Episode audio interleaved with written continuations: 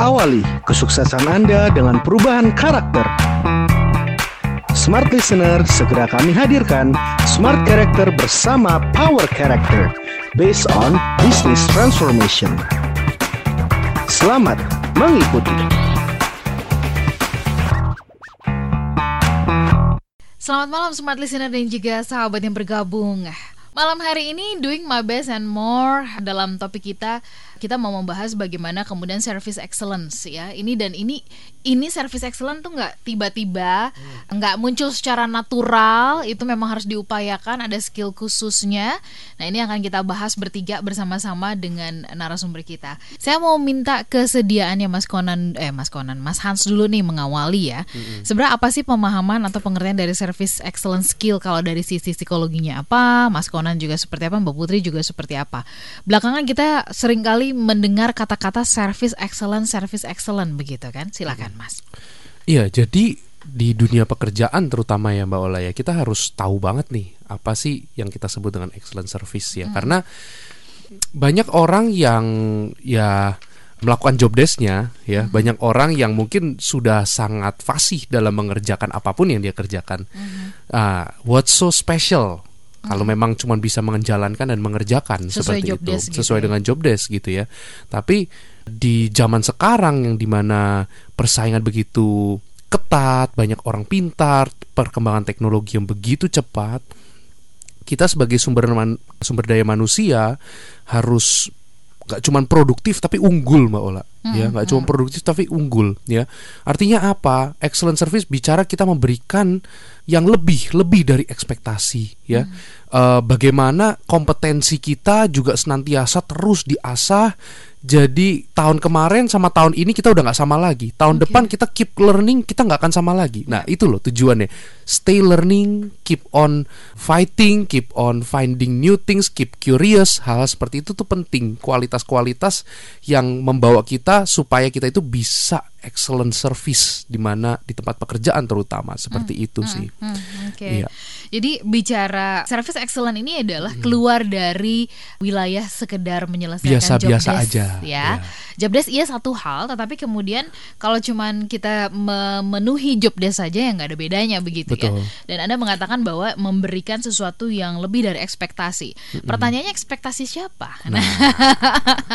Sebelum itu kita jawab, mungkin ke Mbak Putri sama Mas Konan bisa nambahkan, bisa ditambahkan apa kaitannya kemudian service excellent ini dengan karakter? Silakan. Mas Konan, Mbak Putri? Ya. Service excellent ini satu nilai, satu budaya yang kalau kami tangani perusahaan-perusahaan itu kan mereka memilih nilai-nilai apa sih yang mereka mau, budaya-budaya apa yang mereka mau ada di perusahaan mereka. Di samping integritas, service excellent salah satu nilai yang juga jadi favorit. Uh -huh mereka pengen sekali bahwa service excellent menjadi budaya di mereka. Hmm. Tapi ironisnya saya mau nanya Mbak Ola, misalnya kapan Mbak Ola apakah bisa mengingat kapan terakhir kali Mbak Ola merasakan sebuah service excellent coba ingat-ingat. Yang Mbak Ola nggak bisa lupa gitu loh sehingga Mbak Ola bisa cerita. Kapan terakhir kali Anda merasakan saya ingat waktu di toko A saya ingat waktu membeli B mm-hmm, ya? mm-hmm. saya merasakan sebuah service yang excellent. Nggak tahu Mbak Ola bisa ingat ya bisa dong. Boleh uh, di, di share di mana? Iya jadi ini di salah satu restoran yang ada di Plaza Indonesia. Hmm? ya restoran uh, Cina apa Jepang ya? Hmm? apa Korea ya? Pokoknya gitulah ya makanan berkuah ya kan. nah, ketika saya datang gitu ya, itu pelayannya nggak lagi nanya mau minum apa loh, tapi dia malah sudah menawarkan, Ola mau pesan minuman tertentu ini katanya seperti itu. Oh. Kenapa? Karena dia tahu bahwa saya sangat suka sekali dengan minuman itu. Terus saya balik tanya, loh, Mbak kok tahu kalau saya suka itu? Iya, soalnya saya pernah memperhatikan Mbak Ola pernah pesan itu sampai tiga kali dalam dalam satu kali pemesanan gitu. Mungkin saking sukanya kali ya. Tapi dia memperhatikan memperhatikan luar biasa. Gitu. Ya, memperhatikan kebiasaan customer itu bagian wajib daripada service excellent. Mm-hmm. Ya, service excellent itu kita tahu kebiasaan customer, ada unsur personalnya. Mm-hmm. Tapi sayangnya ketika saya tanya di sebuah workshop, mm-hmm. orang butuh waktu lama untuk inget-inget mm-hmm. kapan terakhir kali mereka merasakan service excellent. Mereka butuh waktu lama, Mbak Ola. Lalu saya coba tanya, oke deh saya balik pertanyaannya, kapan terakhir kali Anda memberikan service yang excellent? Kapan terakhir kali Anda memberikan service yang excellent yang orang bilang wow, thank you banget ya. Oke. Nah, itu lebih susah lagi ingat ya. Jadi penting sekali kita bukan hanya menerima, kita pun juga harus memberikan service excellent karena begini, customer itu ada customer eksternal, ada customer internal. Bahkan Betul. orang tua kita termasuk Customer customer, internal. ya internal yang harus rekan kerja kita ya divisi yang di dalam ya kan itu pun termasuk customer internal yang harus kita berikan service yang excellent. Mbak Ola menanyakan apa hubungannya service excellent dengan karakter. Kalau di power karakter, karakter tuh bicara behavioral, kita sering bilang tipe orang merah, kuning, hijau, ungu. Customer pun terbagi dengan profil seperti itu dan si merah membutuhkan apa yang excellent buat merah, mungkin buat kuning biasa aja, buat hijau biasa aja, aja. Tapi intinya kita harus mampu memahami karakteristik customer Mbak Ola. Biar contoh orang merah, orang merah itu sedang sesuatu harus cepat. Ya. Semuanya harus cepat. Ya. Semuanya jangan bertele-tele. Itu itu Ya. orang merah. Kalau orang kuning dia sangat mencintai hubungan. Jadi customer kuning itu wah, kalau kita tahu dia kuning kasih kesempatan dia cerita yang banyak dah. Mhm. Dia senang sekali Mbak Ola. Oke. Ya. Jadi customer kuning tuh dia hubungan buat dia tuh sesuatu yang excellent sekali. Jadi sangat menikmati sebuah proses ya. Betul, iya. Ma- makanya senang. Oh, prosesnya gitu. bukan proses yang esensi tapi yang Ya, sensasi. Sensasi. Yang sensasi. Ya. Beda kalau si ungu. Ya, ya. Dia itu excellent untuk hal-hal yang detil dan kecil. Hal-hal yang terukur, teratur, terstruktur. Itu customer ungu. Mm-mm, mm. Dan logika knowledge-nya harus terjawab karena customer ungu, Oke. customer cermat, dia sudah membanding-bandingkan ke sana sini, lalu kita datang ke dia datang ke toko kita. Dia lebih pintar dari kita kadang-kadang. Ya. Makanya penting kita bisa menjawab, bisa memberikan informasi yang baru ke customer ungu. Ya kalau customer hijau dia nggak gitu sedang diburu-buru. Dia senang sesuatu yang simple. Kalau bisa Hmm. Jangan buru-buru daftarnya ya. dibantuin, apanya dibantuin, semuanya dibantuin. Ya jadi Hmm. kita bicara karakter karakteristik customer pun itu perlu kita ketahui sehingga kita bisa mentreatment mereka true character Mbak Ola dan itu Hmm, akan menghadirkan excellency yang personal banget. Oke, oke. Jadi kata kuncinya adalah personal touchingnya begitu ya, Mbak Putri. Ini saya mau ke Mbak Putri. Banyak nggak sih kita yang sampai di tataran kesadaran bahwa memang touching personal ini menjadi kunci keberhasilan dari service excellent ini, atau kita hanya artinya banyak masyarakat yang masih dalam tataran ya sudah di permukaan saja begitu. Gimana Mbak Putri melihatnya? Silakan. Iya, kalau dari sudut pandang saya kita tahu ya Mbak, kalau misalkan dalam service excellence ini orang itu kalau cuman melayani sekedar standar itu kan biasa. Kalau dilihat sendiri dari beberapa klien kami, memang banyak sekali yang mereka butuh masukin nilai itu pasti service excellence, service excellence itu. Berarti apa? Sebenarnya masih ada banyak keinginan di mana setiap orang itu dilayani secara personal gitu. Nah, kalau dilihat tatarannya saat ini untuk menjawab kebutuhan personal itu nggak nggak belum banyak yang bisa sampai tahap itu. Karena kalau kita lihat masih beberapa kalau dalam pelayanan pun melakukan standar-standar yang resmi. Kalau di restoran sendiri kita lagi makan yang namanya hafal menu, itu kan udah hal yang standar gitu ya. Tapi untuk menjawab keinginan apa sih yang lebih dari sekedar tahu hafal menu, ya mungkin yang bahwa orang tuh bisa dikenali loh kesukaannya apa. Padahal dia udah datang berkali-kali, tapi kok nggak bisa hafal juga nih waitersnya sama menu khusus yang biasa dipesan. Nah itu kan Oke. masih terlihat gitu mbak. Mhm. Baik, saya mau tahu dulu indikator dari service of excellent ini tuh seperti apa? Service excellent itu kayak gimana sih indikatornya begitu? Sebelum kita membahas mengenai skill, jadi mohon dari Mas Hans, Mas Konan, ini kasih tahu indikatornya supaya kita lebih mudah untuk memahaminya. Silakan, monggo. Siapa dulu? Saya atau Mas Hans? Iya, service excellent kalau dari kami mungkin bagus dimulai dari Oke. pemahaman tentang level dari sebuah service, tingkatan service sampai menuju service yang excellent. Ada lima tingkatan service Mbak Ola. Mhm. Kita pahami dalam hidup ini model service kita nih baik ke customer internal atau eksternal di level yang mana nih? Ya, saya mulai dari level yang kedua. Ya, bayangin ini sebuah tangga. Level ke satu saya nggak mau sebut dulu. Level kedua. Level kedua adalah tipe pelayanan yang disebut poor. P O O R. Poor Oke. itu artinya kurang. Oke. Ya, itu ibarat begini Mbak Ola. Kita janji kirim barang tiga hari nyampe, tapi nyampenya empat hari. Aduh, itu. Itu itu pur itu. Nyampe sih tapi orang customer ekstra disuruh nunggu sehari. Tidak sesuai yang dijanjikan. Itu poor ya. Kalau yang level ketiga tadi level kedua ya. Level ketiga itu tipe pelayanan standar. Mm-mm. basic. Oke. yang harus ada contoh janji tiga hari ya tiga hari sampai Mhm. basic pelayanan level basic ini pelayanan yang tidak boleh tidak ada Mhm. contoh kalau kita naik grab apa sih yang basic ya supir grabnya tahu jalan betul mbak Ola ya Mhm. supir grab tahu jalan itu basic Oke. jangan sampai naik grab pak ke pesing ya pesing Hmm. apa ya pesing apa sih saya nggak demen bau itu loh bukan itu nama jalan akhirnya berdebat nama jalan bisa ke bau ya kan bukan pesing mbak ya kan nah itu ya jadi supir grab tahu jalan itu basic Mhm. Mhm. ya standar basic itu artinya menjawab kebutuhan saja. Mhm. tapi ingat menuju makin excellent bukan kebutuhan saja tapi keinginan juga harus dipenuhi. Ya level 2 tadi bicara pur kurang. Level 3 bicara standar. Mhm. basic. Basic yang harus ada. Datang ke tukang ayam harus ada ayam. Oke. Ya dong. jadi datang ke Tukang ayam tapi nggak ada ayam. Iya, datang ke misalnya ke KFC gitu, mau beli ayam, padahal masih setengah satu siang dibilang sama masnya, oh sorry pak, kita nggak ada ayam hari ini loh. Kenapa nggak ada ayam? Kita jualnya hari ini cakwe misalnya loh. Kan KFC iya pak, Kentucky Fried Cakwe hari ini. Nah begitu. Ya kita bisa kecewa gimana sih kok ada Kentucky Fried cakwe ya KFC Cakwe. juga sih, ya kan? KFC juga sih. Standarnya kagak ada ya kan. Itu yang standar yang basic. Naik dari standar atau basic yang keempat tangga ada lima level. Yang keempat level keempat ini level desired. Desired artinya yang customer tuh pengen ya. Yang kita pengen selain sopir grab tahu jalan yang kita pengen apa sih? Mobilnya wangi gitu kayak ya. mobilnya wangi abang grabnya wangi kan begitu ya. Ramah itu yang dipengen. Mbak Ola datang ke restoran kan kebutuhannya mau makan. Hmm. tapi yang desired dari Mbak Ola pasti waitersnya senyum, waitersnya bisa rekomendasikan menu, ya kan? Nah itu yang desired, yang diharapkan ada, Hmm. diharapkan ada. Kalau yang standar itu yang harus ada, desired yang level 4 yang diharapkan ada.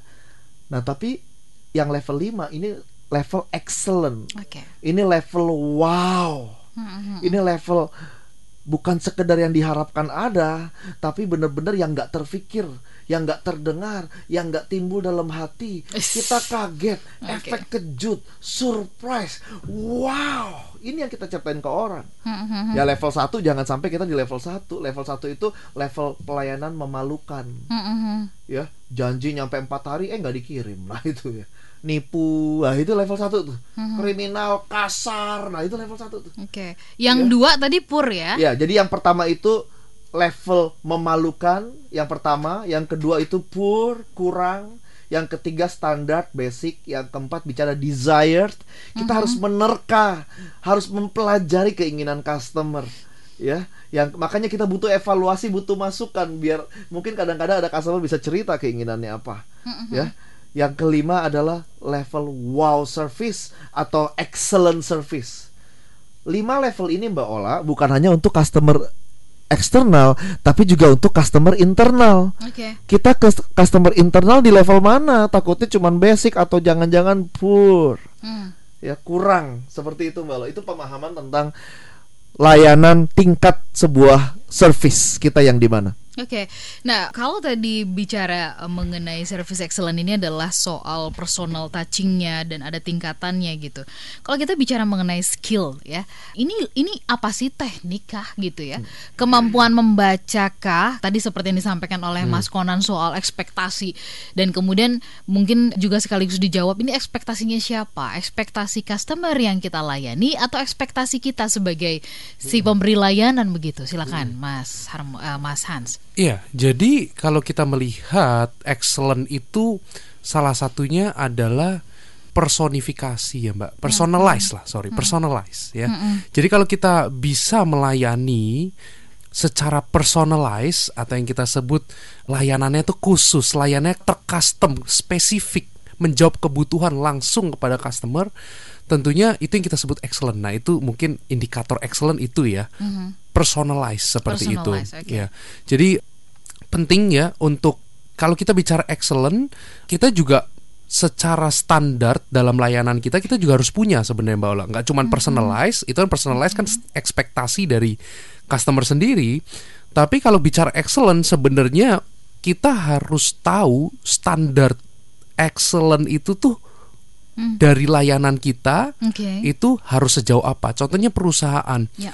Perusahaan yang hebat, perusahaan yang melayaninya itu hebat, Ya. nggak menjawab jawaban seluruh customernya apa pun yang customer mau dia jawab Mhm. nggak nggak seperti itu juga ya tapi perusahaan yang melayani dengan excellent adalah dia bagaimana dia juga bisa stay dalam standar excellentnya dia ya sebagai perusahaan sebuah perusahaan dia excellentnya dia itu seperti apa? Nah itu yang terstandarisasi itu yang terkomunikasi juga ke customer. Nah dari sana ada penyesuaian terhadap keinginan customer juga sejauh memang itu nggak melanggar standar-standar secara pribadi yaitu dari perusahaan itu sendiri. Itunya juga pastinya dilihat sebagai excellent. Kalau kita cuma sekedar nurutin semua keinginan customer melenceng dari visi misi perusahaan itu juga pastinya nggak excellent. Lah ya. jadi kalau itu mbak Ola tadi bicara ekspektasi diri kita atau orang lain tentunya ada penyesuaian lah ya dari bagaimana standar diri kita sebagai perusahaan ya dan juga dengan standar customer Oke, itu karena sendiri. tadi sempat Mas Kone kan juga mengatakan ini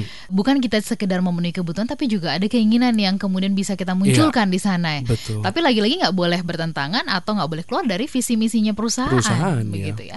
Oke, bagaimana kita bisa tahu kalau itu sudah excellency Mbak Putri?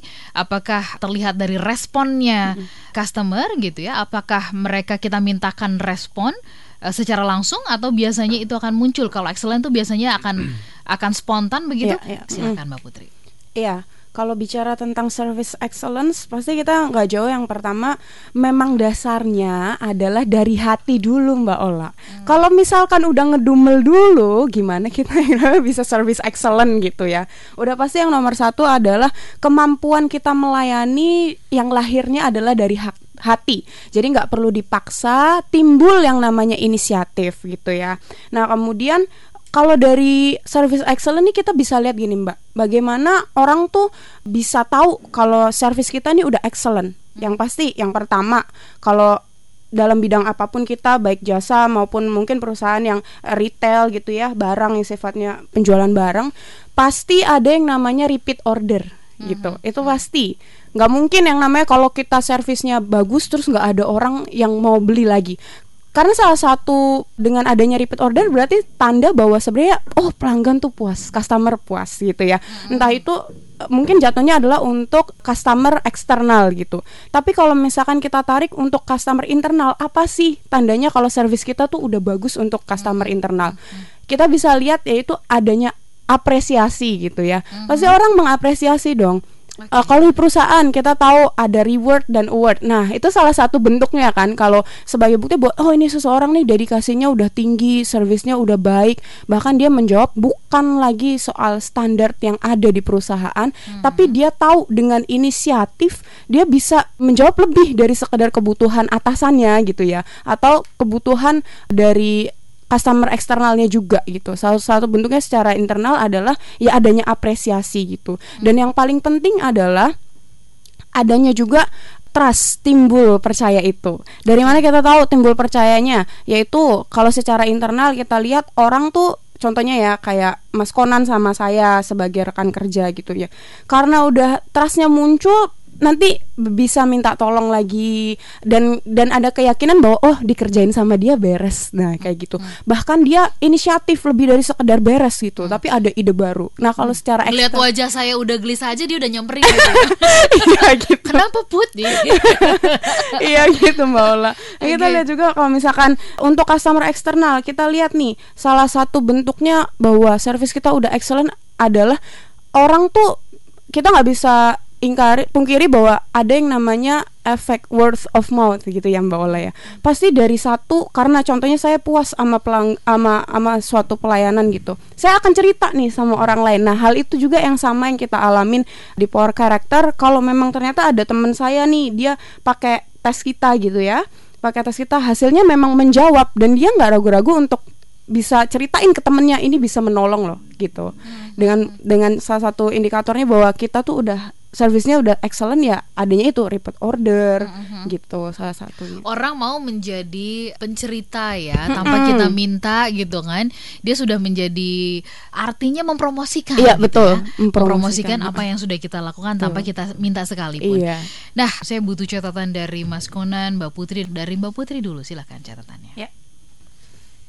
Melayani dengan service excellent atau melayani dengan hati itu bukan sebuah tindakan aja, tapi merupakan sikap hati yang lahir benar-benar karena kita mau menolong, yang lahir karena memang kita tahu bahwa diri kita nih sudah berkualitas gitu ya.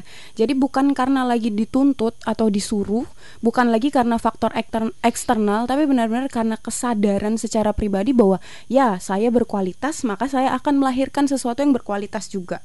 Dan dalam ini nggak penting apa yang namanya orang lain seperti apa sikapnya, tapi percayalah kalau kita melakukan yang terbaik, Tuhan juga pasti akan memberikan yang terbaik sama kita, buat kita gitu. Oke, dari Mas Konan. Hidup ini adalah perjalanan. Tapi saya percaya hidup ini bukan hanya tentang perjalanan, tapi hidup adalah tentang pelayanan. So, mari kita sama-sama melayani dengan hati, bukan dengan hati-hati. Terus tetap melayani dengan hati, walaupun yang kita layani mungkin tidak punya hati, tapi tetap layanilah dengan sepenuh hati. Baiklah, terima kasih untuk Anda semua yang sudah menyimak. Semoga perbincangan kami ini bisa memberikan semangat, motivasi, dan inspirasi untuk Anda. Baru saja Anda menyimak Smart Character bersama Power Character based on Business Transformation. Awali kesuksesan Anda dengan perubahan karakter. Terima kasih dan sampai jumpa.